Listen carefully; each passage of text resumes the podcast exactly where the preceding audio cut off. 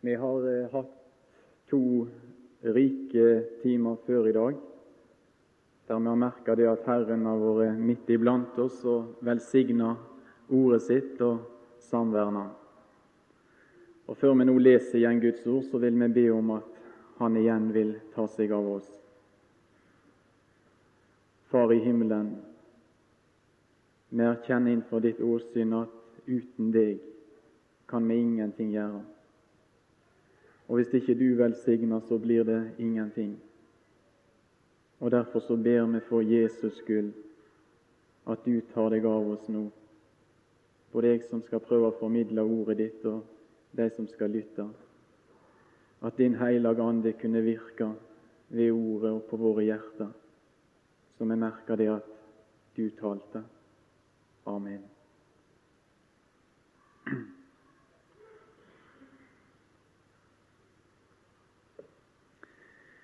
Da skal vi gå til Johannes' åpenbaring kapittel 19 igjen. Og Så leser vi fra vers 1.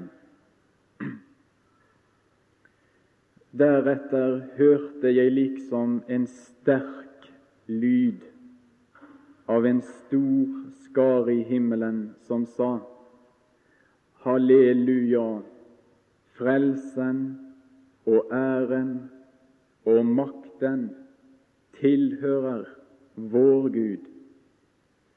For sanne og rettferdige er Hans dommer.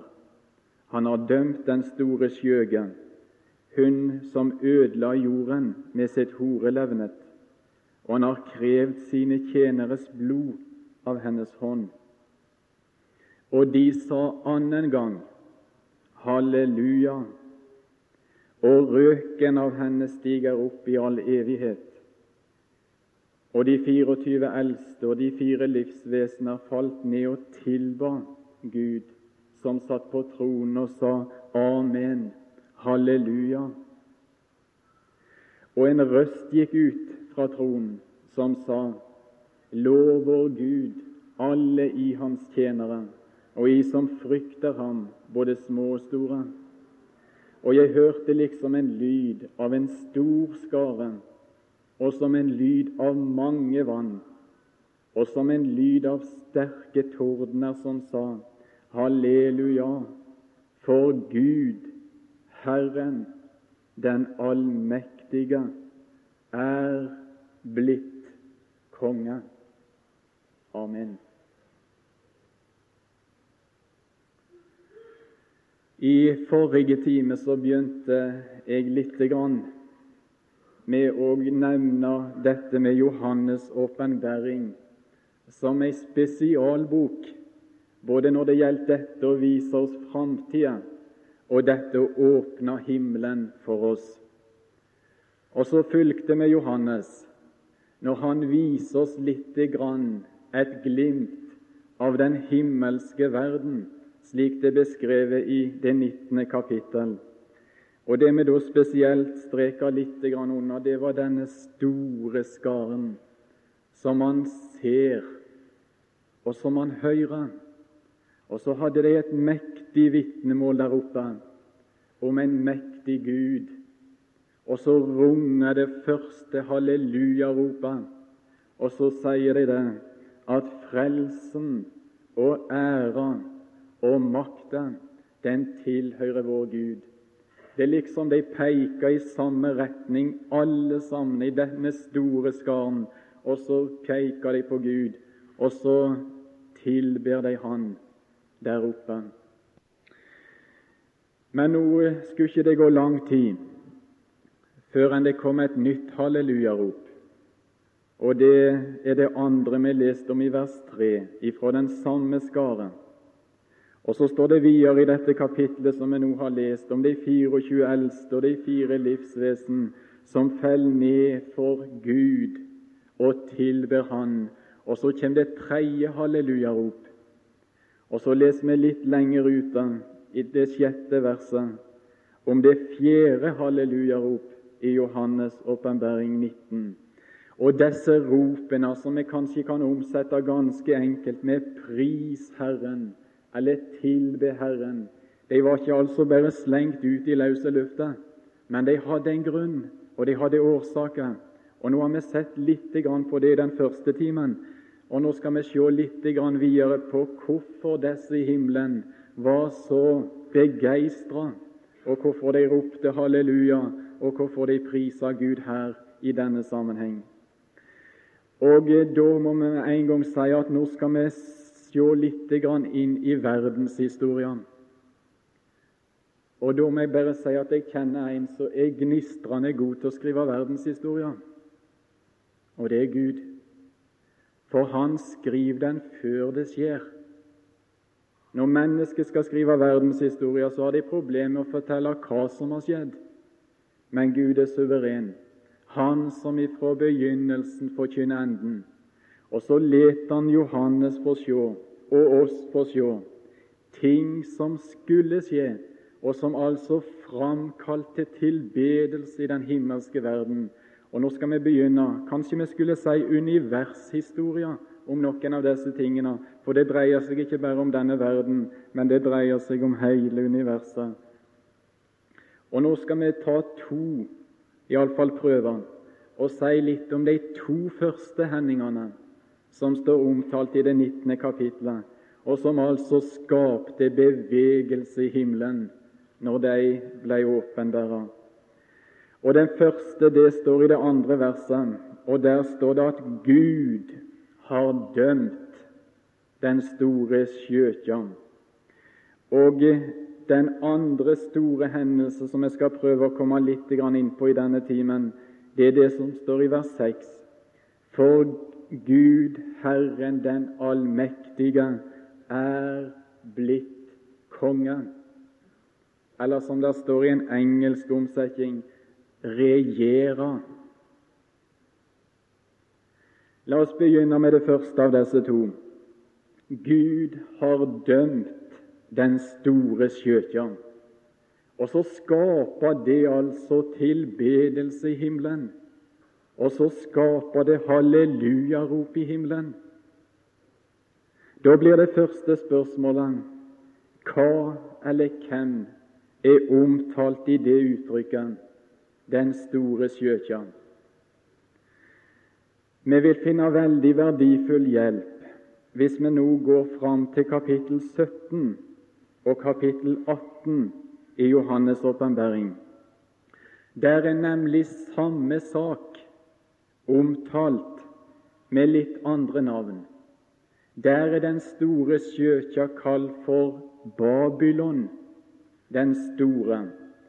Skal vi bla opp i kapittel 17 og lese vers 1? Og en av de syv engler som hadde de syv skåler, kom og talte med meg og sa:" Kom, jeg vil vise deg dommen over den store skjøge som sitter over de mange vann. Og så til vers 5. Og på hennes panne var skrevet et navn, en hemmelighet, Babylon den store, mor til skjøgene og til stygghetene på jorden. Holdt fast på det i starten. Altså den store skjøga. Den har også et annet navn. Den er kalt Babylon den store. Og Går vi til kapittel 18, så vil du finne at den også brukt, eller er kalt for Babylon den store byen. Og i disse to kapitlene, altså kapittel 17 og kapittel 18, der vil du finne mer enn 20 opplysninger som gir oss informasjon om hva eller hvem Babylon, den store skjøkja, er. Og Nå må jeg få lov å si her, før jeg går mer inn på det Disse tingene her, de synes jeg er fryktelig vanskelige. Og jeg kan bare si at jeg har veldig lite lys egentlig over disse tingene. Så nå får jeg oppfordre alle om godvilje. Og så får jeg bare si at hvis jeg sier noe galt nå videre i denne timen, så er det ikke meninga, i hvert fall. Og Så får de bare ta tak i meg når timen er slutt, og så får de rettlede meg. Og så får du si det til predikanten at der tok du feil. Jeg blir ikke sur og ikke sint for det. Vi ønsker å tale slik som Herrens ord taler men det er ikke alltid det er like lett. Det får jeg bare si for min egen del. Når det gjelder Babylon, så tror jeg at det er veldig aktuelt å taler litt om det. Og jeg vet også at det er et stort emne i Guds ord. Jeg så en som hadde skrevet litt om disse tingene, og han sier at denne saken er omtalt nesten 300 ganger i Guds ord. Så det er ikke noe lite emne. Og nå kommer jeg til å gå veldig fort, og jeg går ikke dypt. Det kan jeg ikke, men litt har vi lyst til å si.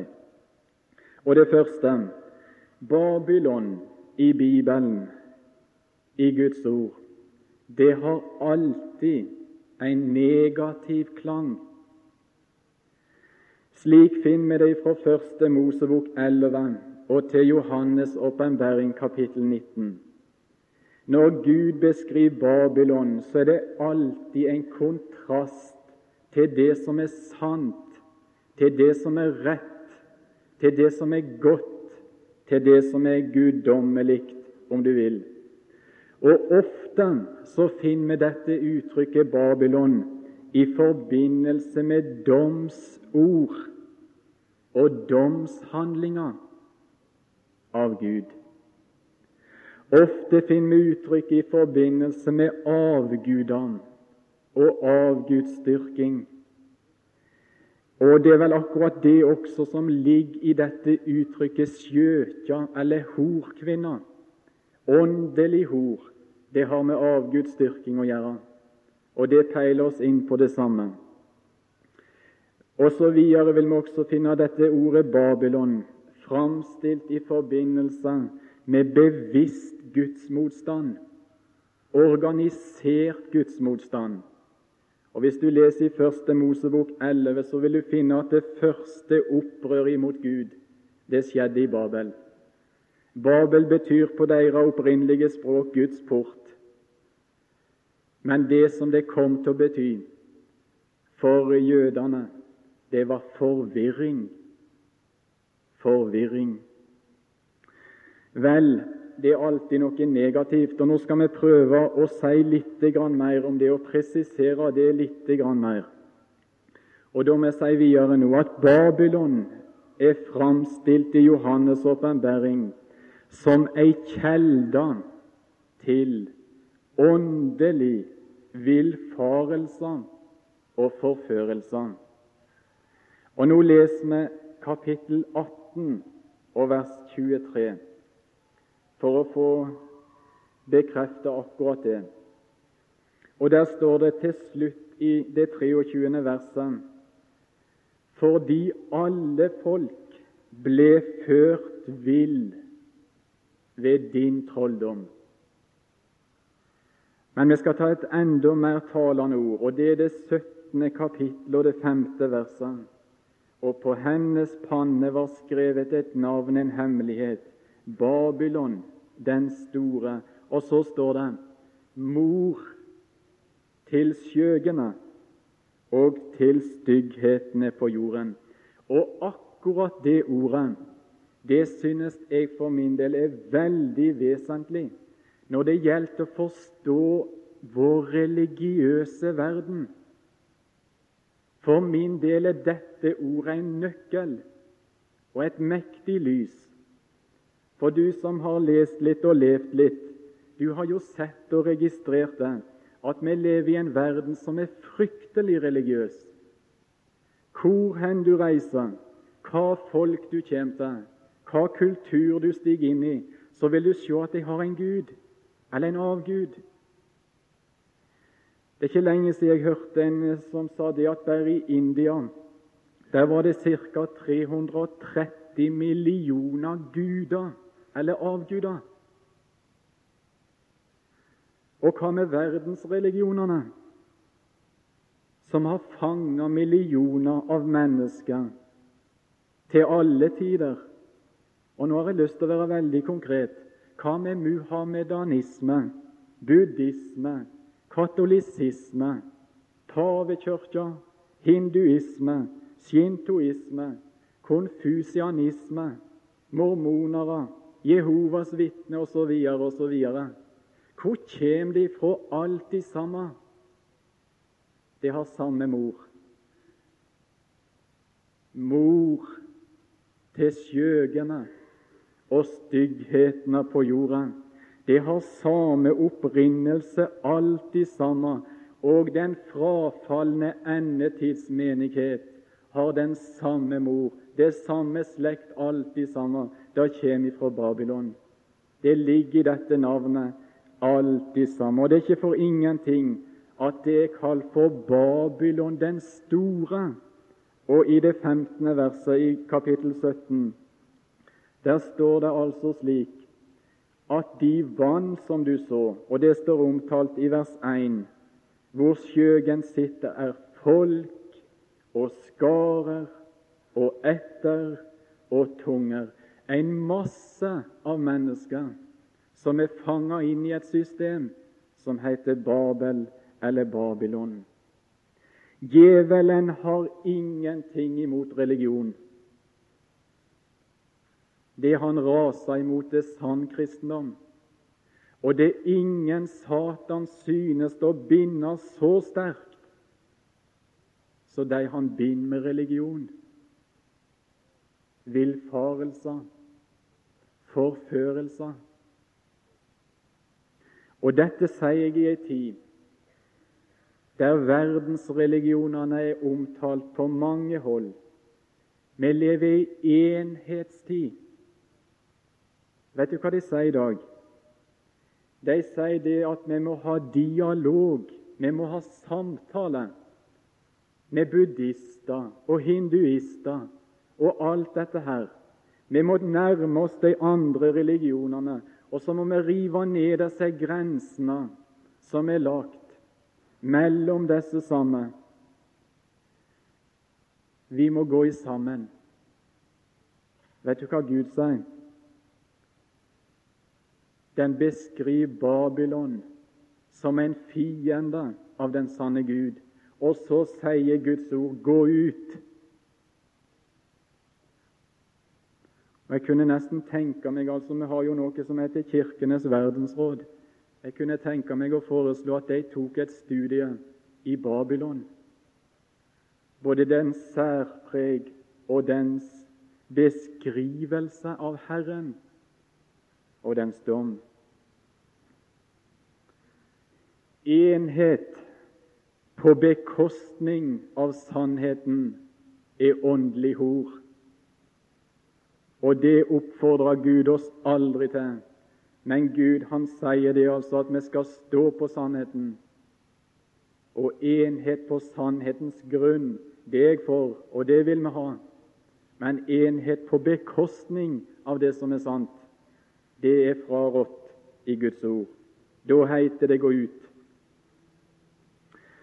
Videre så må vi si det om Babylon den er også framstilt i Johannes' åpenbaring som et system av krefter som alltid har stått Gud og Guds rike imot.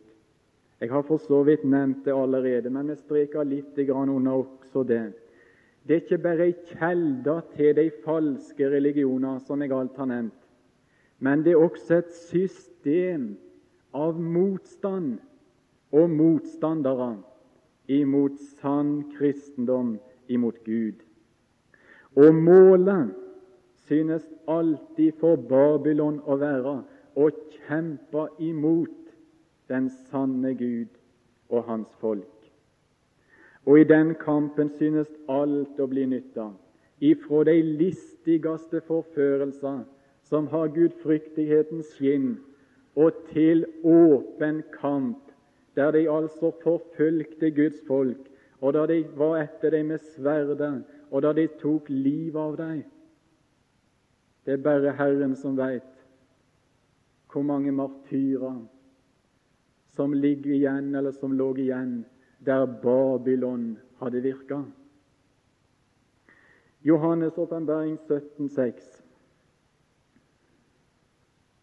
Og jeg så kvinnen drukke drukken av de helliges blod og av Jesu vitners blod.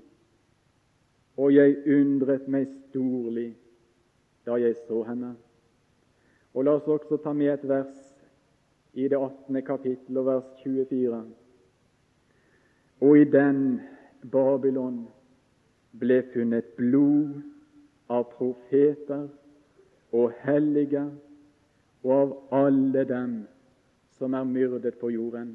Og hør her, Babylon har ikke bare mange tilhengere, men Babylon har mange fanatiske tilhengere som ikke kan stanses, og som er så hengivne i sin tjeneste at liv det blir tatt for å tjene dette systemet. Vel,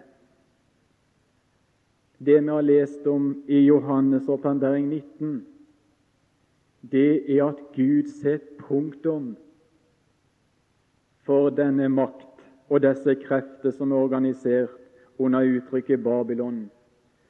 Og Vi skal ta ett vers med i Jeremias 51, som kan understreke litt også akkurat her når det gjelder Babylon som et system av motstand imot Gud. Jeremias 51,1. Så sier Herren, ser jeg vekket et ødeleggende vær over Babel og over innbyggerne i Leb Kamai.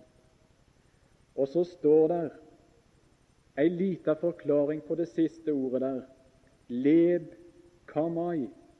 Det er mine motstanderes hjerte eller mitt punkt, et navn på Babel.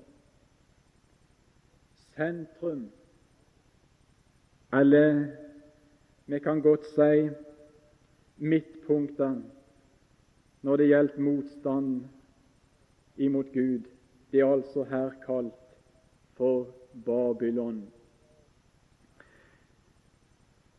Lite grann må vi også ta om Babylon i endetida. Nå har jeg sagt litt om det som jeg forstår med Babylon, slik det har vært.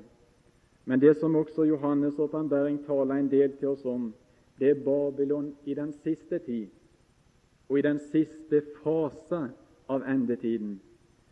Og Der har jeg lyst til å nevne et par ting. Og For det første så synes Babylon å få ei helt spesiell blomstringstid i endetiden. Den vil få større makt enn den har hatt noen gang.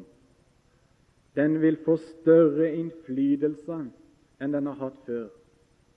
Den vil få en større rikdom enn den har hatt. Og det merkelige synes her å være at et av redskapene til dette, det er Antikrist. Skriftbelegg Johannes' åpenbaring 17,7. Og der står i slutten på verset dyret som bærer henne, og som har de syv hoder og de ti horn. Dyret som bærer henne, og jeg oppfatter det som et uttrykk på Han som er kalt dyret, nemlig Antikrist. En viktig faktor i endetiden, når Babylon vil blomstre opp, det dyret.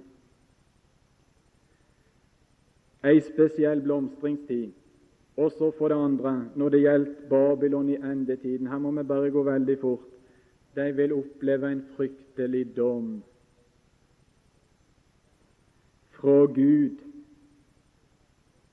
Og den vil ramme både det religiøse systemet Babylon, som er beskrevet i kapittel 17 først og fremst, og det vil ramme byen Babylon, som er beskrevet i kapittel 18, og som jeg personlig oppfatter som systemet sitt siste hovedkvarter, eller skanse, om du vil, og Nå er det sikkert delte meninger om det jeg kommer til å si nå, men personlig er det ting som tyder for min del på at denne byen Babylon den kommer til å bli oppbygd igjen.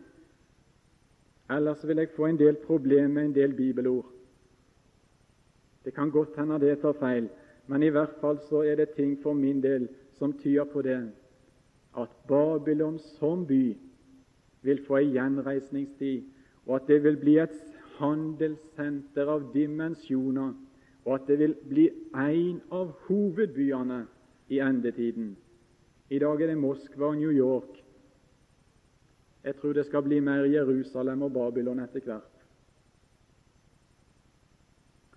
Vel, og en annen veldig interessant ting som jeg synes å se her, det er når Gud dømmer dette Babylon-systemet, så ser det ut for at han også her bruker Antikrist.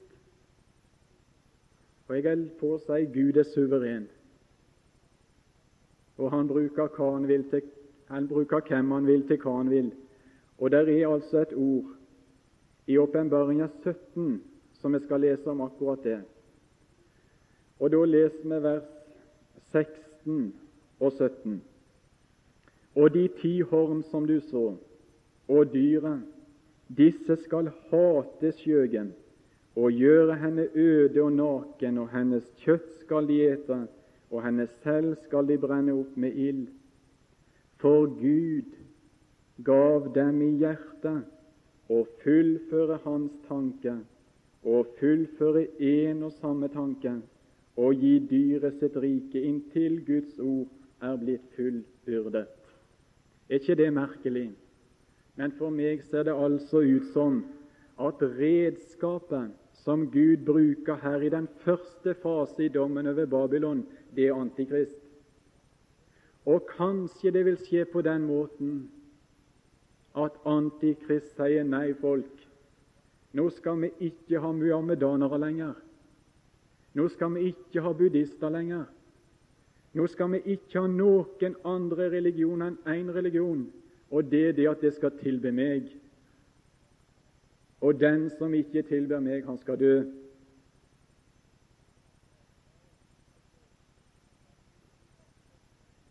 Vi kan ikke komme mer inn på den.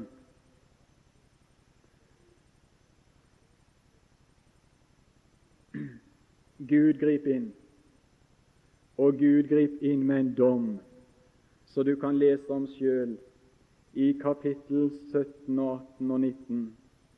Og det er en dom der Babylon får høsta alt de har sådd, og der Gud skal gjøre opp, der Gud er dommer. Og Nå har jeg lyst til å si en liten parentes her i dag.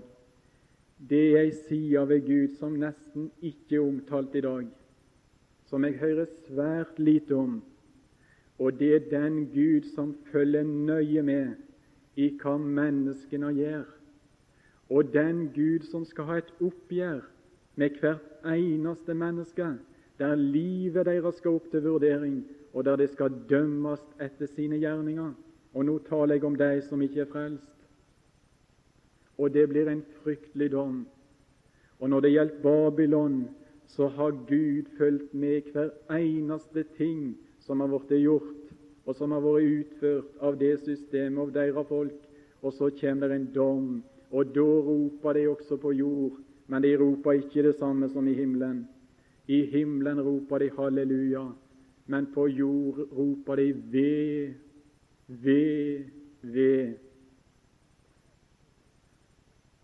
Og så kan du lese sjøl om en beskrivelse på jord når Gud dømmer Babylon, der det er gråt, der det er sorg, der det er svolt, der det er eld, der det er død, og vi ser en verden i fortvilelse.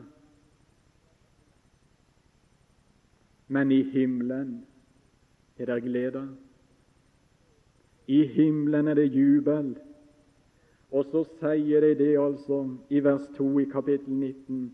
For sanne og rettferdige er hans dommer.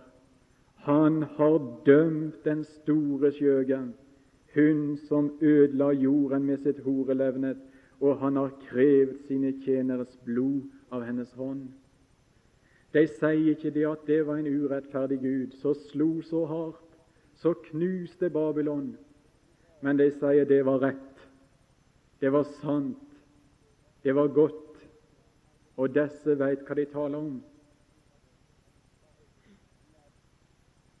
Og det var rettferdig. For hun som hadde ødelagt jorda og sjøl ble ødelagt. Jeg er glad i den Gud som tar et oppgjør, som ikke ser gjennom fingrene med synd, men som dømmer og dømmer rett og dømmer sant. Og så får Babylon lære den gamle leksa som mange har lært. Og vet du hva det er? Det mest nytteløse av alt, det å stå Herren imot.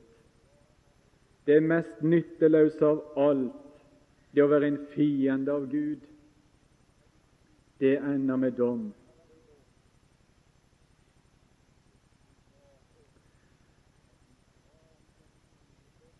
Vi skal ta litt og gå inn på den andre hendelsen som eh, sto omtalt i disse versene vi leste i dag. Og det er det sjette verset av Johannes' åpenbaring, kapittel 19. Og jeg hørte liksom en lyd av en stor skare, og som en lyd av mange vann, og som en lyd av sterke tordner som sa, Halleluja! For Gud, Herren den allmektige, er blitt konge.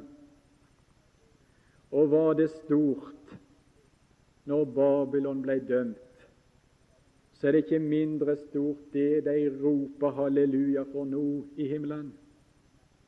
Og hva var det? Det var dagen når Herren ble konge. Det ble proklamert. Og La oss si litt om denne dagen òg. Kanskje jeg kommer litt tilbake til det i siste timen, men allikevel. Vi må si litt om denne dagen når Herren Gud den allmektige ble konge.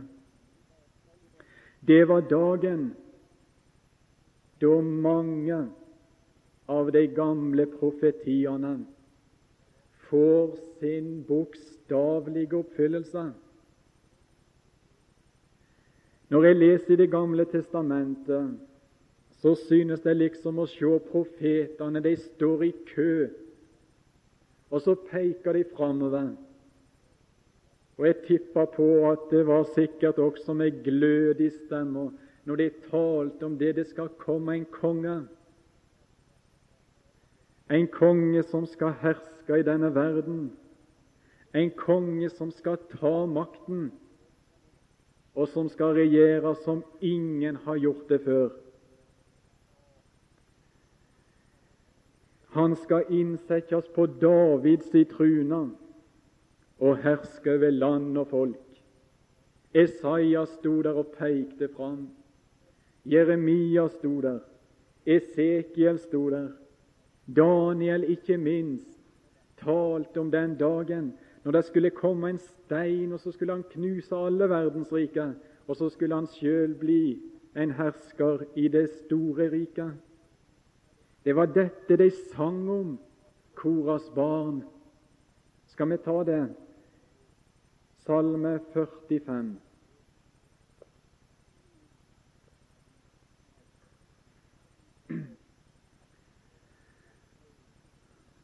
Salme 45.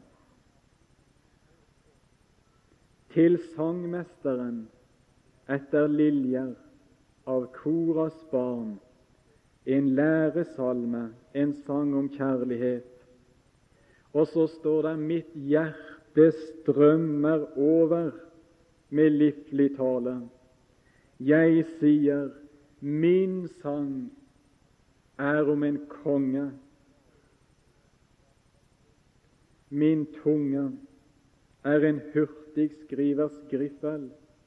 Du er den fagreste blant menneskenes barn.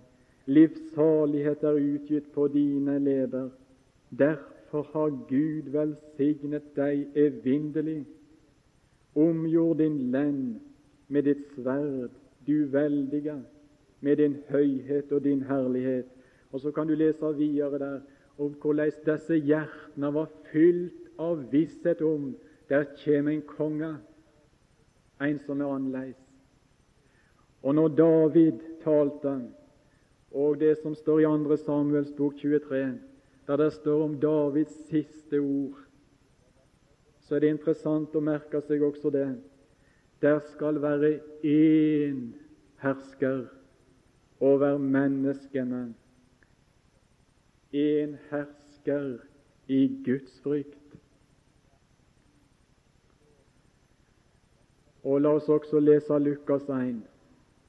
Vi har blitt spesialister til å bortforklare bibelord. Og en del åndeliggjør vi som ikke skal åndeliggjøres. Og nå er jeg inne på et tema som har med det å gjøre. Dette med Jesus, Jesus som skal komme som konge til vår verden oppretter sitt rike, hersker og regjerer her. Det var også forkynt ved hans første komme til Betlehem. Og der står det i vers 32 i Lukas 1.: Han skal være stor og kalles den høyeste sønn, og Gud Herren skal gi ham hans far Davids trone. Den er ikke i himmelen, den er på jord. Og merk deg, det står et guddommelig skall. Og dette er et av de versene som skal være altså vanskelig å bortforklare. Nei, jeg tror at profetene talte sant og rett, og så sant og rett, fordi det var Den hellige ande som talte igjennom dem. Og så sa han det altså, han skal komme, og han skal regjere som konge. Og det er det samme som Johannes ser i himmelen. Han er blitt konge. Ingen av profetene fikk oppleve den dagen, men du skal være sikker på den dagen kommer for denne verden, da det skjer. Og det skal altså bli en annen verden å bo i enn det det er i dag. Dagen da de mange profetier får sin bokstavelige oppfyllelse. Og så må jeg også si for det andre denne dagen, det er dagen som mange Guds barn har lengta etter spesielt de kanskje som opplevde litt av urettferdigheten og vondskapen og djevelskapen, der det satt mennesker og regjerte, der det satt noen av vår slekt på truna. Det kunne jo være forskjellig, men det ble aldri topp. Det ble aldri fullkomment. Det var altså noen som alltid tørsta etter rettferdighet. Det skjedde aldri det som de drømte om og lengta etter, at denne verden skulle bli et paradis der alt var godt og alt var rett. Og alle verdens system har fått lov å prøve seg. Kommunisme, demokrati og republikk og det ene og det andre. Og det varierer selvfølgelig men aldri ble det fullkomment. Der kommer en som skal skape andre forhold i vår verden. Men før han kommer, så blir det heller ikke skikkelig. Der vil alltid være rusk. Der vil alltid være galt. Og om mennesket forener seg og prøver å lage et paradis, så pleier det oftest ende i en krig. Men der kommer en som alle tiders floker løse kan. Det er greit nok med FN, og det er greit nok med fredsmarsj, men det blir nok aldri fred i denne verden før fredsfyrsten kommer og ser tingene i rette skikk.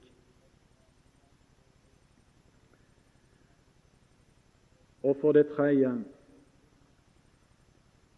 denne dagen som er proklamert i Johannes' åpenbaring 19,6, det blir en seiersdag for bønnefolket.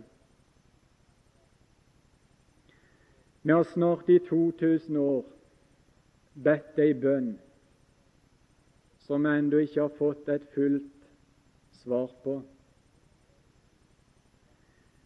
Vi ber, kom med ditt rike. Skje din vilje, som i himmelen, så på jorden. Den bønn har ennå ikke fått sin bokstavelige oppfyllelse. Den har nok blitt oppfylt her og der, i begrenset forstand. Men jeg tror personlig at denne bønn også skal få en bokstavelig oppfyllelse den dag Herren, Gud den allmektige, stiger opp på truna og regjerer i denne verden. Og for det fjerde og siste det er altså dagen da det meste blir annerledes på jord. Salme 97.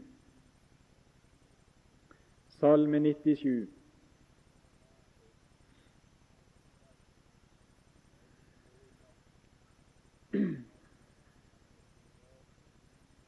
Og Der skal vi lese de første to vers. Herren er blitt konge. Jorden fryder seg, mange øer gleder seg. Skyer og mørke er rundt omkring ham. Og så hør nå rettferd og rett er hans trones grunnvoll. Hans trune, altså, den er lagt på en grunnvoll som heter rett, ferd og rett. Det skal bli annerledes. Og La oss ta et ord ifra Preikeren, eller Predikeren, om du vil, kapittel 10, og vers 16 og 17. Og der står det først ved deg, du land, som har et barn til konge, og hvis fyrster holder måltid om morgenen. Du kan lese mye verdenshistorie og finne ut at det er sant. Men hør nå vers 17. Lykkelige land som har en konge av edel. Og det ordet passer gnistrende godt på den tid og den tilværelse som vår verden skal oppleve når Herren Gud den allmektige trer inn på si trune og tar makten. Lykkelige land. Det skal bli tilstand som har en konge av edel ett når han gikk her på jord, så sa de bort med han. Pilatus sa ikke 'vær så god, Jesus, du skal få stige inn på mi truna'. Jeg ser det det eneste rette. Keiser Augustus sa ikke 'vær så god, Jesus, herre er truna'. Det var noen få enkle mennesker som sa 'vær så god'. Og så fikk Jesus stige inn på deres hjertetruna og det var alt.